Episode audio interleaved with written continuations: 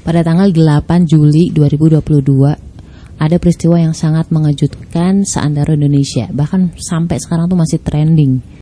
Kejadiannya tuh kurang lebih jam 5, 5 sore di rumah dinas si Sambo, Verdi Sambo. Katanya sih awal muasalnya itu ada teriakan dari si Putri. Putri ini tuh istrinya si Sambo. Terjadi pelecehan seksual terhadap Ibu Putri oleh Brigadir J Otomatis lah si Putri minta tolong ya kan. Teriak-teriak manggil bala bantuan. Datanglah si Richard Eliezer dan bertanya, ada apa? Bukannya dijawab, malah dibalas dengan tembakan. Makanya si Barada Eliezer menembak balik dan terjadilah baku tembak yang menewaskan Brigadir Joshua.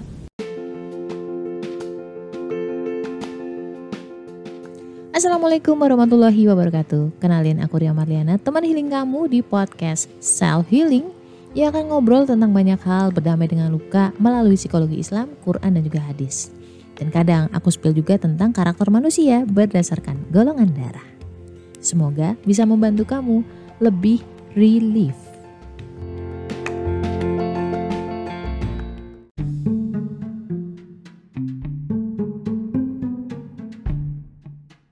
Peristiwa itu baru dipublish atau dirilis tiga hari kemudian Oke, kita beralih ke sisi yang lain di mana mayat dari Brigadir J sudah dimasukkan ke peti mati di kotak mati, peti mati ya, peti mati dibawa pulang ke rumahnya di Jambi. Berdasarkan surat perintah, peti mati itu tuh nggak boleh dibuka dan harus segera dimakamkan. Tapi pihak keluarga nggak mau. Iya kalau itu mayatnya si Brigadir J, si anaknya mereka. Kalau misalkan bukan gimana? Jadi mereka tetap bersikeras untuk tetap membuka peti mati tersebut. Untuk meyakinkan bahwa memang itu adalah anaknya si bapak dan ibunya juga pasti udah sangat terpukul ya. Mereka taunya si anaknya si Joshua ini sudah bekerja di tempat yang enak, yang strategis. Tahu-tahu pulang tinggal nama, apalagi dikasih embel-embel tersangka pelecehan seksual terhadap istri bosnya.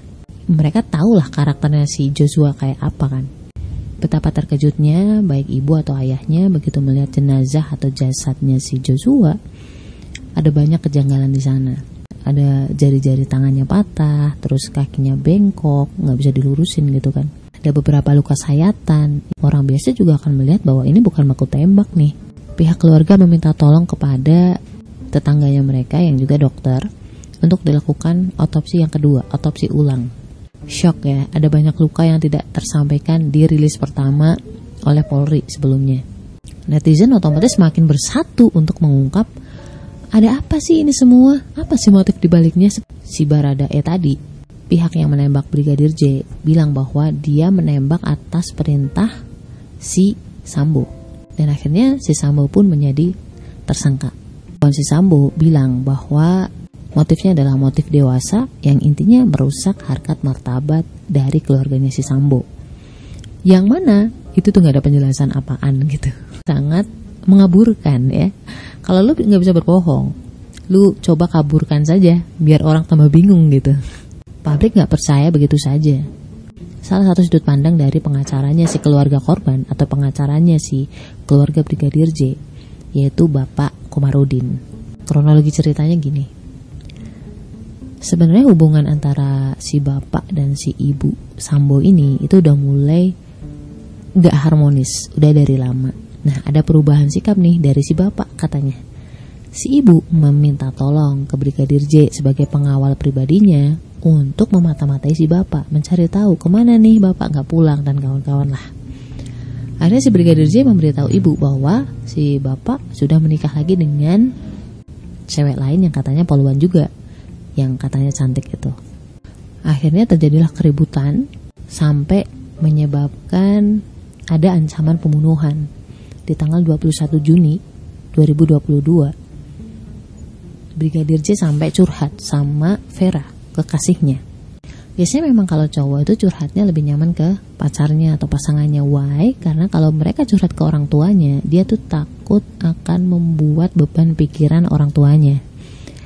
Dan di saat itu di tanggal 21 Juni itu mereka video call kan antara si Brigadir J sama si Vera pacarnya si Brigadir J cerita bahwa dia diancam akan dihabisi, akan dibunuh, kalau naik ke atas akan dihabisin gitu. Jadi ada ancaman pembunuhan oleh squad lama ke Brigadir J. Oleh sebab itu, si Brigadir J bilang ke si Vera, udahlah kamu coba cari cowok lain yang bukan dia, karena dia nggak akan mungkin selamat. Intinya dia udah hopeless.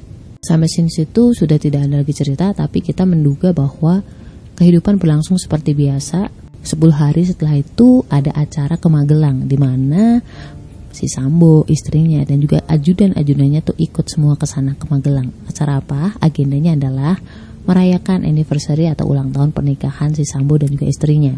Di sana juga ada anaknya yang lagi pendidikan Taruna kalau nggak salah. Jadi tanggal 2 sampai tanggal 8 pagi itu mereka masih ada di Magelang. Dan peristiwa sensitif ini terjadi tanggal 8 pagi. Katanya sih terjadi isu yang sensitif, terjadi keributan besar sampai si ibu putri ini mengancam akan melaporkan tentang selingkuhannya atau si poluan cantik ini kepada atasannya si Sambo termasuk bisnis-bisnis orang baik itu. Contohnya judi online, narkoba, dan kawan-kawan. Dan saking marahnya si Sambo, dia tuh akhirnya pulang duluan, naik pesawat ke Jakarta Sedangkan Putri dan ajudan-ajudannya itu pulang naik mobil dan sudah ada tersebar CCTV-nya ya.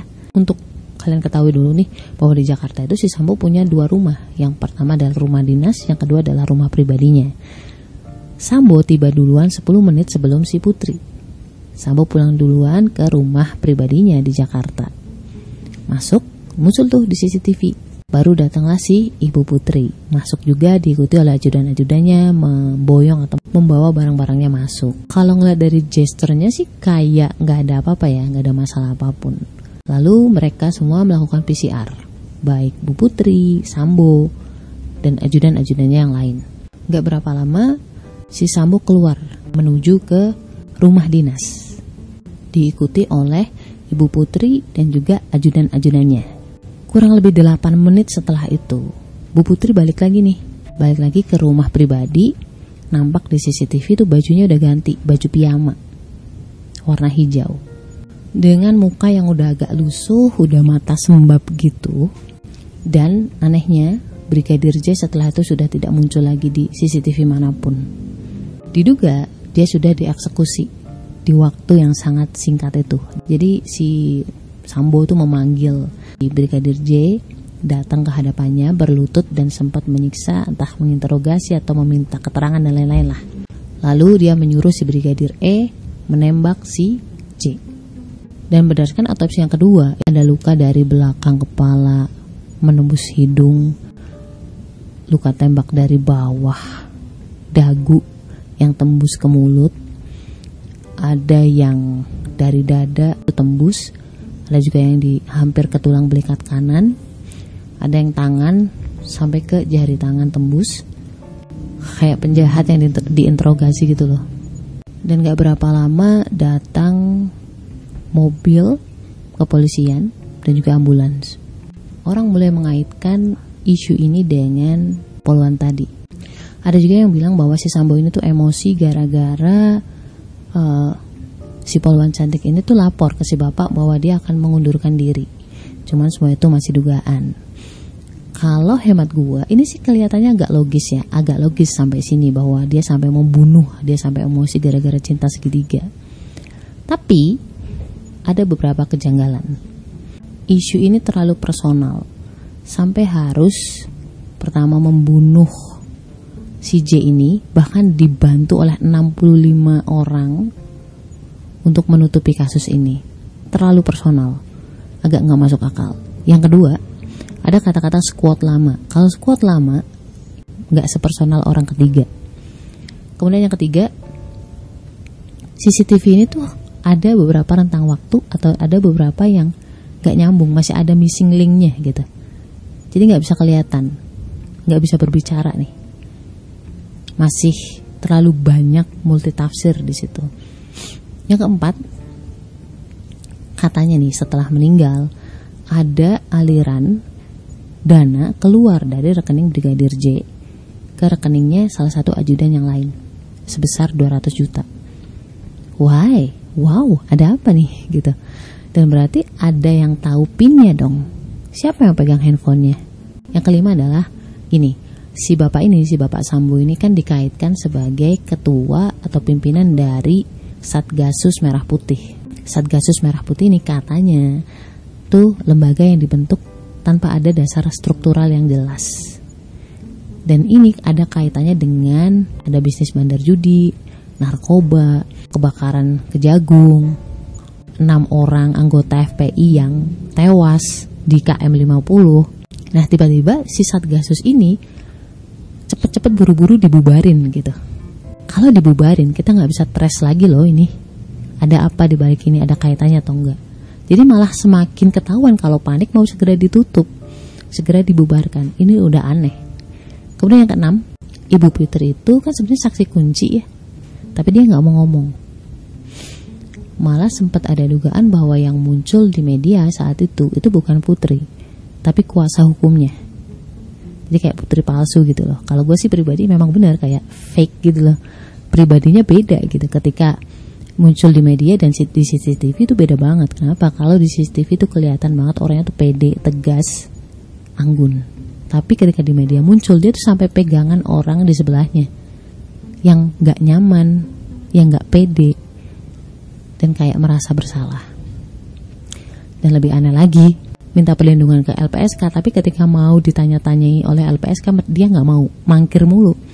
Sampai akhirnya diputuskan bahwa dia sakit jiwa atau kena gangguan jiwa. Yang mana kalau kena gangguan jiwa maka setiap keterangannya itu tidak bisa dijadikan acuan. Wah, makin blunder.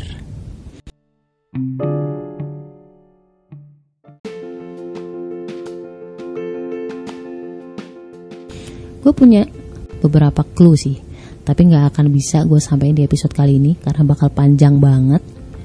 Mudah-mudahan kita bisa ketemu lagi di next episode untuk mengungkapkan detektif Conan gadung-gadungan. Cuma buat gue sih gini, aku senada dengan pakar yang muncul di TV One kalau nggak salah. Gue khawatir bukan berarti isu orang ketiga ini salah enggak, tapi ada banyak isu lainnya khawatirnya, ada isu lainnya lebih besar yang sengaja atau sedang dialihkan gitu ke isu yang ini. Sorry banget kalau buat kamu yang kurang nyaman dengan tema kali ini, tapi gue tuh penasaran juga sih Shh, tapi jangan bilang siapa-siapa. Ingat, Allah buatan sare. Allah tuh tidak tidur. Stay love and assalamualaikum